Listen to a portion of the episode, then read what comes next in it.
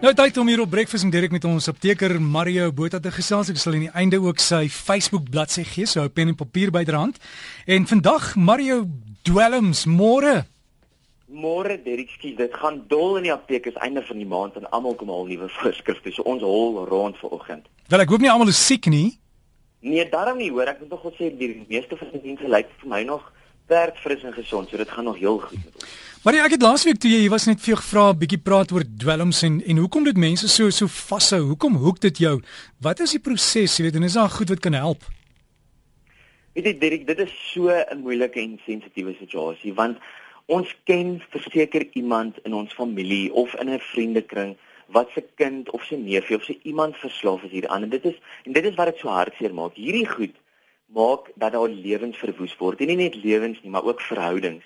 En dit is wat dit so moeilike ding maak. En ja, wat gebeur is dit neem breinaktiwiteite oor. En ons sê dit neem vir al die die eksklusiewe breinaktiwiteite oor. Of daai wat as ons dink aan wat 'n CEO in 'n maatskappy doen, dit hy beplan en bestuur en reguleer en tree voorkomend op al daardie tipe dinge dan neem hierdie dwelm hierdie aktiwiteit oor. En dit is die probleem wat dit doen dit dit dit verdring ons vermoë om goeie te kan doen. En dan gee dit vir ons 'n ander persoonlikheid. En dit is dan hierdie hoek waaraan ons nommer 1 verslaaf raak want dit gee vir ons dit stel ons in staat om dinge te doen wat ons nie kon doen nie. Of dit stel ons in staat om ander ander dinge te kan dink of te kan visualiseer. En dan as daai dwelm uit ons stelsel uit is dan verlang ons brein of hierdie aktiwiteit na daardie reaksie wat dit vir ons gegee het. En dit is die hoek wat dwelms aan ons gee En nou praat ons nie net van straatdwelms, kokaine of heroïne of tik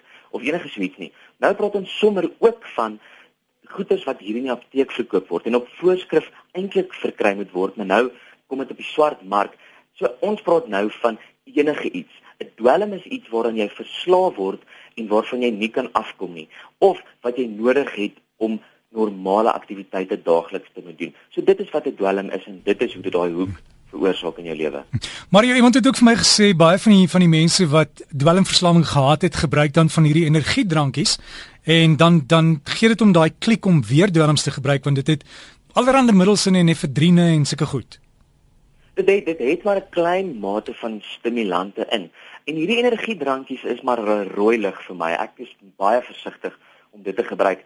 Selfs iets soos kafeïen kan nader aan weer 'n dwelm begin word. En en hierdie energiedrankies het massa hoeveelhede van hierdie kafeïen in en daar flits die rooi lig dan nou. So ja, daar is middels om van middels weer af te kom, maar ons moet pasop dat hierdie hierdie teenmiddels dan nou nie weer 'n nuwe dwelm word nie. En dit is hoekom ons veral in die apteek na hierdie pasiënte baie goed kyk en baie goeie rekord hou van van hierdie middels. So ons het dokters wat op 'n voorskrif middel vir hulle voorskryf om hulle van 'n dwelm af te bring. Maar daardie middel kan nou weer 'n nuwe dwelm vir hulle word en daai verslawing kan nou weer oorgeskakel word na 'n middel toe. En dan is daar hierdie klap wat hulle voor almal se gesigte hou en sê, "Maar ek is dan op behandeling om my af te bring van hierdie middel af."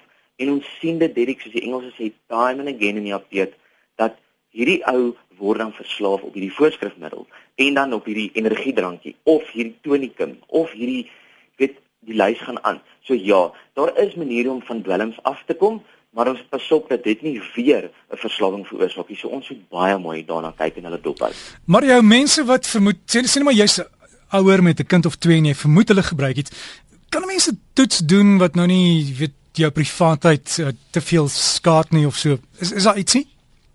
Weet ons het in die apteke soms toetse wat jy kan doen en baie keer gebruik hulle maar urine of weet speeksel of so iets, maar twee toetse wat altyd deurslaggewend is vir 'n positiewe toets is iets soos dwelms dit is nogal interessant gaan altyd na die hare toe. En dit bly in hare selfs baie keer vir jare. So ons kan baie keer van die van die kinders se borsels of jy weet trek van daai hare uit hulle kamme of borsels uit of tel dit van hulle bed af op en gevat dit na 'n laboratorium en sê hier's my kind se hare of 'n haar en ons vermoed dat daar 'n verslawing is of of dwelm gebruik word Um, en hulle kan dit baie keer in hare optel. Jy kan dit nie glo nie. En dan die gewone positiewe toets daarvoor is gewoonlik bloed. En dan beteken dit 'n kind moet maar na 'n laboratorium toe gaan of 'n verslaafde, dis nie net wenig kinders nie, moet dan na 'n laboratorium toe gaan en bloed moet getrek word. So mense kan dalk 'n kind in 'n wipvang of of 'n dwelmverslaafde in 'n wipvang en sê kom ons gaan toets jou cholesterol of jou suiker of so en dan is daar 'n geheime agenda en ons sê maar vir die dokter maar en toets asseblief dan vir die volgende substansie wat ons vermoed my kind het. Net 'n paar tekens gou Derek, is baie keer ma's vra my maar waarna moet ek uitkyk? Jy weet, jou kind raak ontoereikbaar of of hierdie familielid of gesinslid raak ontoereikbaar of ons veranderinge in die rotine, die naasbestaande sien nogal maar die gewone daaglikse dinge gebeur nie meer nie. Of die persoon raak geheimsinnig. Jy weet, van nou moet hierdie goeders in die aand bekom word op straat en en daar's nou allerlei schemes soos wat die Engelse sal sê om by hierdie middels uit te kom of die vriendekring verander. Dis nog 'n groot ding. Mens sien dat die vriendekring verander van jou kind en dan skielik is daar hierdie gedrogte wat nou in jou huis uithang en jy weet my kind is hier by iets betrokke en hier's 'n rooi lig of skoolpunte of werksuitsette verlaag. En dis nog al 'n ding. Iets psigologies, daar's nogal paranoia of emosionele wisselvalligheid, daar's bietjie angs, slaapversteurings, irritasie, hiperaktiwiteit en die persoon word baie keer beskryf as ver nie noodwendig omdat hulle hoog is op hierdie substansie nie, maar hulle is net bloot in 'n ander wêreld omdat hulle dink die hele dag aan hierdie substans of hoe om dit te kry of hoe om dit te gebruik. En dan fisiese tekens waarna jy kan uitkyk, is iets soos bloedbelope oë, geswelde oë en dan hierdie gedilateerde pupille, hierdie groot donker oë. Skielike veranderinge in die liggaamsmassa en eetlus, baie keer, baie van hierdie middels dempe eetlus en dan sien ons hierdie liggaamsmassas neem af van hulle. Hulle word riet maar en hulle eet nooit iets en dan koördinasieprobleme en spraakversteurings. Dis nogal iets waarna jy kan uitkyk in 'n huisgesin of 'n vriendekring of by die werk. Mense toon van hierdie tekens. En dan ja, en dan en dan moet ons weet hierdie ou het hulp nodig en ons moet so vinnig as moontlik hierdie ou by 'n plek uitkry wat hulle kan help daarmee. So Mario, die apteker is dan die plek waar hulle kan gaan aanklim, maar dis baie moeilike ding, jy moet baie sensitief wees en hulle kan maar daar by jou toe en dan kom vra. Hulle moet maar weet jy en as dit nie 'n apteker is nie, dan moet dit 'n dominee wees of 'n oom wees of wees ondersteunend vir hierdie mense.